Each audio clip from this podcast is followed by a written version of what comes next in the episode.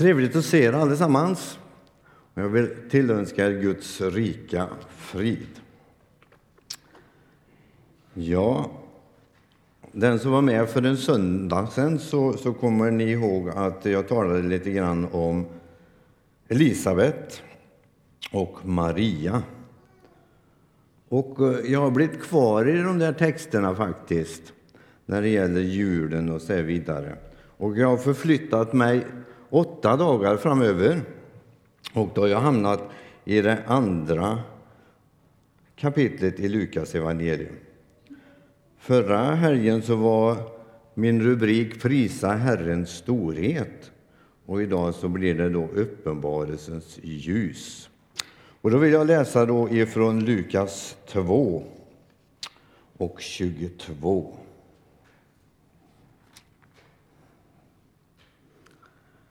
Där skriver Lukas så här. När tiden var inne för deras rening enligt Mose lag tog de honom till Jerusalem för att bära fram honom inför Herren. Det står nämligen i Herrens lag att varje förstfödd av mankött skall helgas åt Herren. Och för att offra två turturduvor eller två unga duvor så som det är föreskrivet i Herrens lag. I Jerusalem fanns en man vid namn Simeon som var rättfärdig och from och som väntade på Israels tröst. Helig ande var över honom, och den helige anden hade uppenbarat för honom att han inte skulle se döden för han hade sett Herrens Messias. Ledd av anden gick han till templet, och när föräldrarna kom in med barnet Jesus för att göra med honom som det är sed enligt lagen tog han honom i famnen och prisade Gud och sade Herre, nu låter du din tjänare gå hem i frid, som du har lovat. Ty mina ögon har skådat frälsningen som du har berett åt alla folk. Ett ljus med uppenbarelse åt hedningarna och, ett härligt, och, en, och härlighet åt det folk Israel. Hans far och mor förundrade sig över vad som sades om honom, och Simeon välsignade dem och sade till hans mor Maria detta barn ska bli fall eller upprättelse för många i Israel och till ett tecken som väcker strid. Ja, också genom din egen själ skall det gå ett svärd för att mångas innersta tankar skall komma i dagen. Här fanns också en kvinna med profetisk gåva, Hanna, Fanuels dotter, av Asers stam. Hon var till åren kommen som ung, hade hon varit gift i sju år. Sedan hade hon levt som änka och var nu 84 år gammal. Hon vek aldrig ifrån templet utan tjänade Gud dag och natt med fasta och bön. Just i den stunden kom hon fram och hon tackade och prisade Gud och talade om barnet för alla som väntade på Jerusalems befrielse. När de hade fullgjort allt som föreskrivs i Herrens lag återvände de till sin hemstad Nasaret i Galileen. Pojken växte Pojken växte och fylldes av styrka och vishet, och Guds välbehag var med honom. Ja, tänk dig till att om Simeon inte hade lyssnat till Andens stämma så hade han gått miste om livets största stund. Eller Josef och Maria om de inte hade gått efter Herrens bud så hade de gått miste om en väldigt stor upplevelse.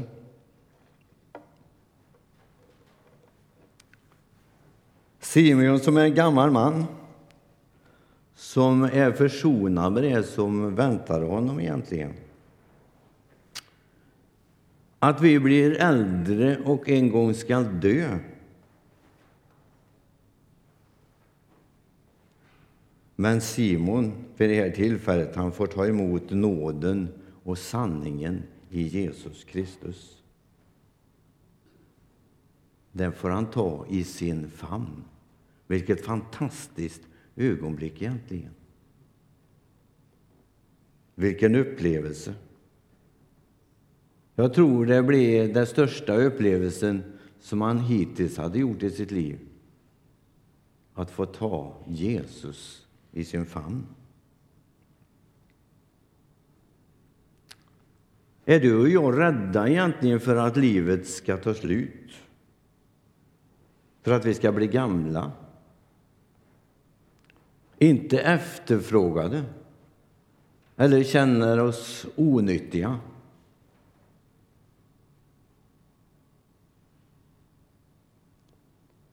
Men det är ju så att även om livet är svårt ibland så är det ändå bättre att leva än att dö.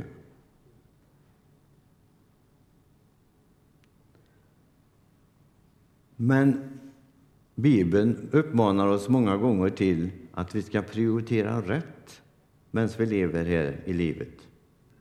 Och Paulus han säger i Andra Korinthierbrevet att vi ska först och främst har vår blick riktad, riktad mot det osynliga, det himmelska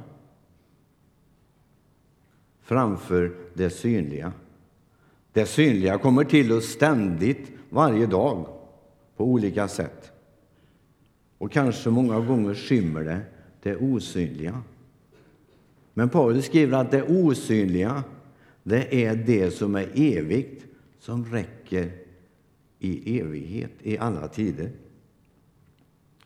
Och I brevbrevet står det att vi ska se på Jesus, trons hövding och fullkomnare, när vi vandrar genom livet. Och vi måste väl erkänna allesammans att vi är ett åldrande folk. Det föds mindre och mindre med barn och det blir fler och fler som blir äldre.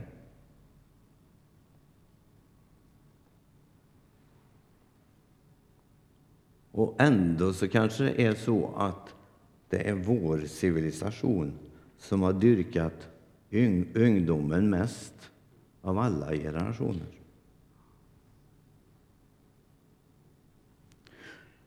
Och inte längre sen tillbaka än sen jag var ung som var förhållandet ett helt annat. Hur man såg på de äldre i samhället.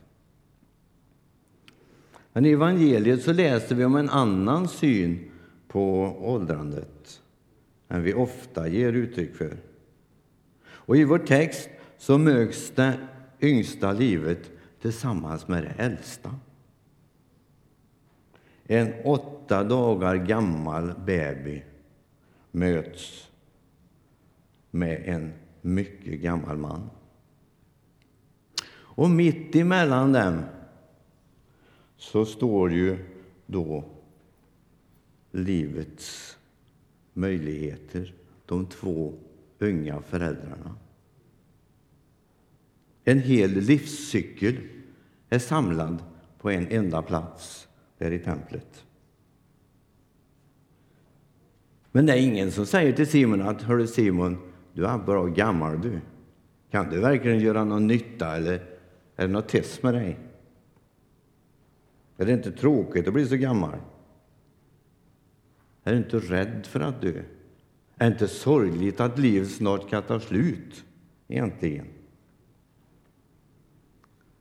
Ja, visst, det är sant så att livet går ifrån början och till slut, ifrån tidiga barnaår till ålderdomen. Man lämnar barndomens glada lekar, tonårens vilsenhet och arbetslivets situationer och förhållanden. Och så kommer man till ålderdomens, ålderdomens avtynande. Snart är allt sammans förbi. Och det är precis som det står att livet går hastigt fort genom tiden egentligen.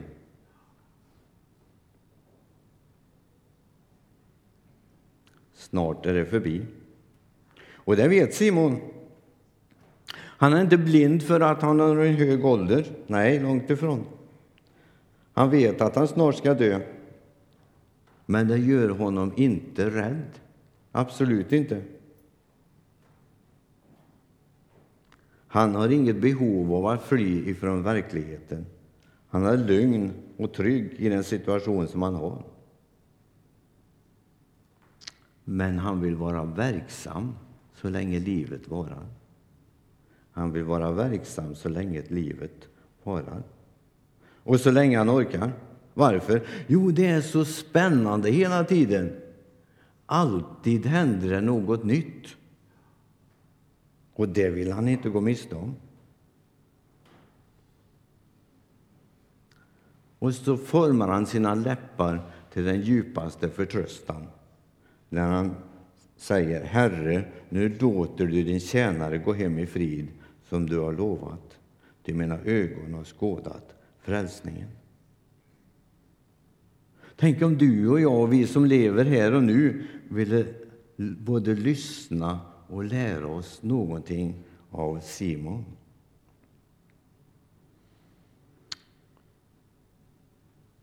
Jag skulle önska att både du och jag kunde göra det. Att få smaka på vad han erfarit. Känna den överjordiska frid som lägrade sig i templet där de stod där, Josef, Maria, Jesusbarnet och Simon. En fantastisk situation. Det behöver vi ha här också. Varför? Jo, därför att det talar om himmelens närhet och himmelens härlighet. Varför känns hans, då hans hållning så befriande egentligen? Jo, därför att han ur alla skrymslen jagar bort varje skymt av bitterhet över livet och över livets slut och över livets korthet. Fridens motsats är stress. Och vår civilisation är stressens civilisation. Och vi anser många gånger att livets rikedom det är påtagliga saker. Och för att få tag på den, vad behöver vi då? Jo, du behöver naturligtvis pengar. Och allesammans av oss deltar i den svängen på ett eller annat vis, mer eller mindre. Tänk om denna stillhet kring den gamle, dessa tysta tempelvalv kunde tala egentligen. Ge oss den frid som man upplevde när man stod där tillsammans med varandra. Och ge oss ett perspektiv vad som är viktigt och vad som är oviktigt i vår tid som vi lever här på jorden och vandrar omkring. Att vi ska bli äldre allesammans och att vi en gång kommer att dö, det vet vi allesammans. Men därför behöver vi inte tappa fattningen för det, långt ifrån. Hur har då Simon nått fram till denna insikt egentligen? Jo, lägg märke till att han har ofta haft andakt. En andaktsstund som du och jag kanske missar ibland. Andakt betyder ju dessutom att tänka. Tänka tillsammans med Gud, samtala med honom. Att tänka över livet och döden. Det har Simon ofta gjort, det är jag säker på. Och han har utnyttjat den miljö också som underlättar för eftertanken. Vad har han gjort? Jo, han har ofta, gång efter annan, sökt sig till templet, till det heligas gemenskap. Och tempelmiljön har hjälpt honom att genom livet hålla andakt.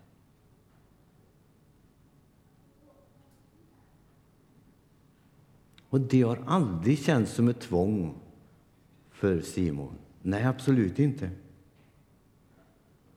Och lägg märke till att den äkta tron den går aldrig ihop med tvång.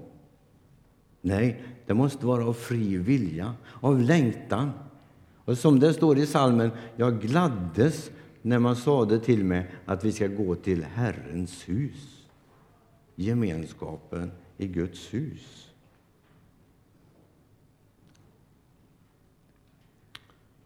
Men det är idag allt för få som vill ta vara på den frivilligheten att söka sig till miljön som erbjuder hjälp till andakten.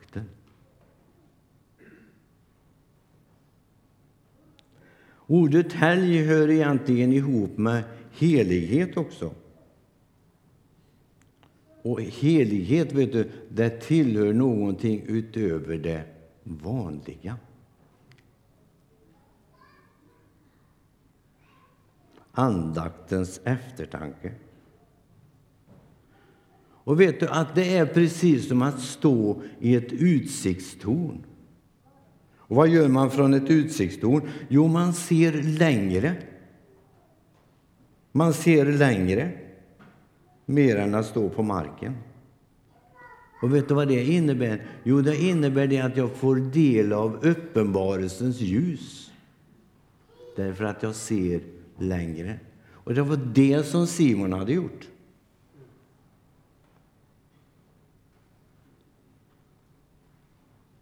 Och Pelle Karlsson han skriver så här i en av sina sånger. Något nytt skall hända och din värld blir ljus. Något nytt ska hända och din värld blir ljus. Jesus, vår frälsare, tar hand om dig nu.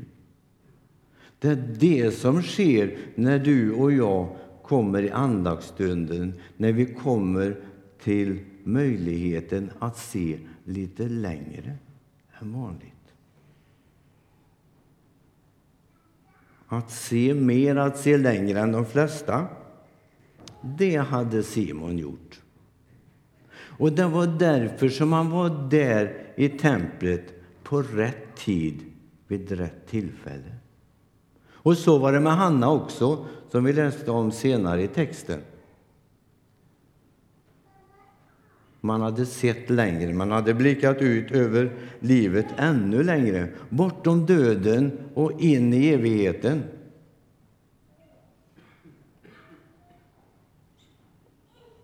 Mer och mer hade man lärt sig detta under livets gång. Och mer och mer hade det klarnat.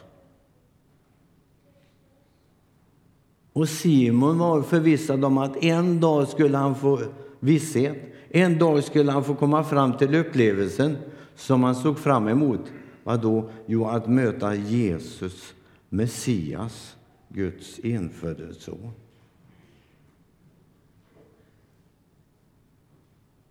Jag undrar vad många egentligen det var på den tiden som kunde se på samma vis som Simon gjorde.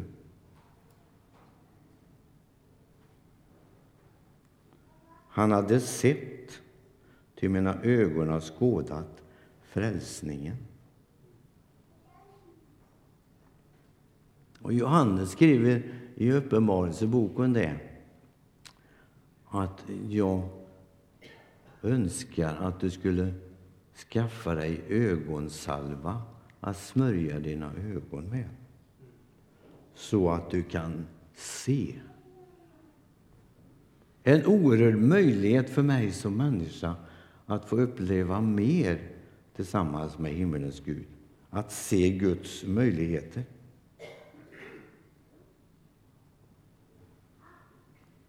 Och du kan vara säker på att den gamles ögon de vilade på Jesusbarnet. Han som fick Jesus, frälsaren. Och så kom han till det där ögonblicket som han sa, kan jag inte få hålla i den där bebisen? En litet ögonblick bara. Känna och uppleva känslan. Maria hade bärt Jesus under sitt hjärta och nu fick Simon möjligheten att bära Jesus i sin famn. Det största ögonblicket för Simon. Ett åtta dagar gammalt barn han såg kanske inte så bra. Men vad han såg Att han inte såg så bra med sina lekamliga ögon det hindrade honom inte att se på ett annat vis. Han såg barnets framtid. Och på vilket vis fick han se det? Jo, i och med att han levde tillsammans med Gud. Att hans ögon var smorda med ögonsalva. Att han hade fått en beröring från den himmelska världen. En fantastisk bild egentligen. Vilken frid att bära med sig hem ifrån templet. Känns det inte lockande för dig och mig egentligen? Precis som Pelle Karlsson sa, något nytt skall hända och din värld blir ny. Skulle inte vi allesammans vilja nå fram till den situationen på något vis?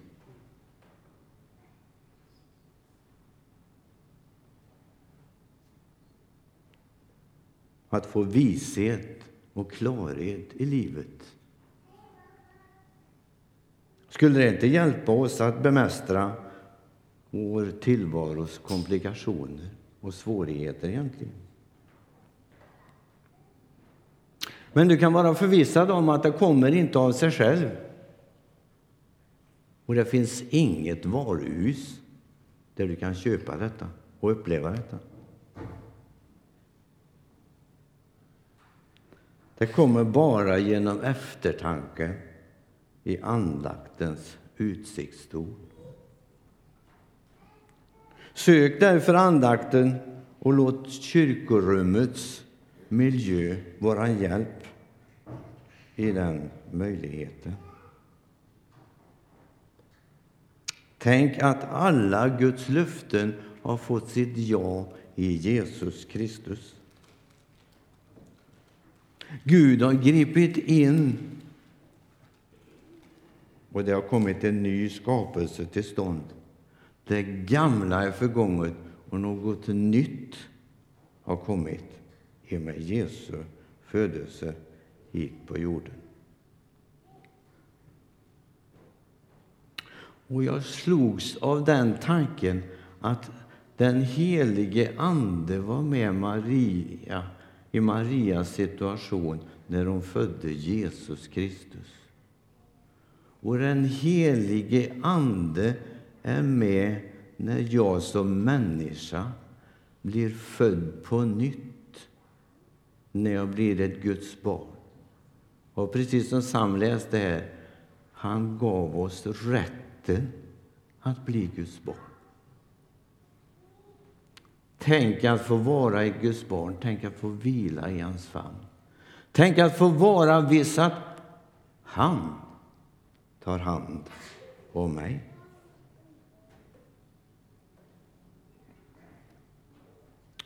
Och vet du vad det stod i slutet på texten jag läste? Jo, det stod det att Guds välbehag vilade över Jesus. Tänk dig då till att du som har tagit emot Jesus i ditt hjärta och liv är Guds barn. Tänk dig då till att Guds välbehag vilar över dig.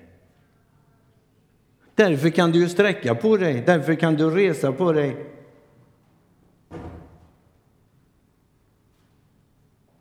Och vara förvissad om att Guds välbehag vilar över dig, du som är Guds barn. Simon betyder Gud hör bön. Och han tolkar i sin lovsång stundens innebörd. Han är Guds tjänare. Tänk att få vara Guds medarbetare i den tid som vi lever i. Ett stort uppdrag.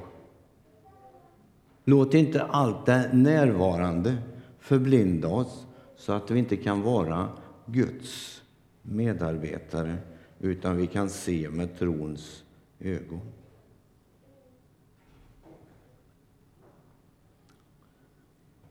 Vad blev det av den svindlande tempelsynen egentligen med Hanna, Simon, Maria och Josef och Jesusbarnet? Hur är det med Guds rike idag? Kanske är det dags att se oss om, se in i vårt eget liv, rannsaka oss lite grann inför det nya året som snart står för dörren. Vad är uppgiften för mig? Vad är uppgiften för dig? För Gud har en uppgift som passar för dig och en annan som passar för mig. Men ingen behöver gå sysslolös i Guds rike. Vi har allesammans en möjlighet att få vara med att utveckla Guds rike. Och det är ju det som är det fantastiska, att Gud har tagit an oss människor att vara med och förmedla och utbreda sitt eget rike. Vilket förtroende vi egentligen som vi har fått. Vad gör vi med förtroendet? För trots allt så står löftena kvar. Och låt mig då sluta med att citera ännu en sång. Och den sången har Egon Sandelin skrivit. Och den lyder så här, en del av sången. Gud, jag vet du allt kan göra många sköna ting jag ser. Du ska mina böner höra, så förvandling i mig sker. Och så kommer det. Låt mig se dig uppenbarad. Gud, mitt hela hjärtatag att jag frälst och fri bevarad leva får till ditt behag. Guds välbehag vilar över dig och du får vila till Gud och leva till Guds behag. Och jag hoppas att det nya året ska innebära det, och den bön i mitt hjärta. Herre, låt nåden och kraften verka ibland oss. Amen. Himmelske Far, tack för att du alltid är nära oss när vi möts i ditt namn. Tack för att du låter oss få en beröring av dig, av din helighet, av din härlighet, av din närvaro. Tack för att vi alla har en möjlighet att få öppna våra hjärtan och våra liv för ditt tilltal, för den heliga Andes ledning, Herre. Prisar dig därför för att du vill föra ditt verk framåt till en underbar seger så att många kommer till tro på dig i dessa dagar, Jesus. Tack för alla förvandlade liv som sitter framför mig i denna stund. Men tack Jesus för att du också vill göra något nytt kan hända och vårt liv blir ljust. Tack Jesus Kristus för att du förmår att göra långt mer än vi kan bedja eller tänka. Men tack för att du låter oss få dig uppenbarad för våra ögon och smörjer våra ögon så att vi kan se dina möjligheter och se den väg som vi ska gå och som du har stakat ut för oss. Tack för vad Simon och Hanna och Josef och Maria fick uppleva. Tack för att du sände din son till räddning för hela vår värld, Herre. Tack för att du har gjort allt. Tack för att du har utgjutit din kärlek till oss, Herre. Tack för att du uppenbarat dig själv genom din son Jesus. Tack, Herre, för att vi får lägga slutet av det här året i dina händer och början på ett nytt år i det största av alla namn, namnet Jesus. Amen.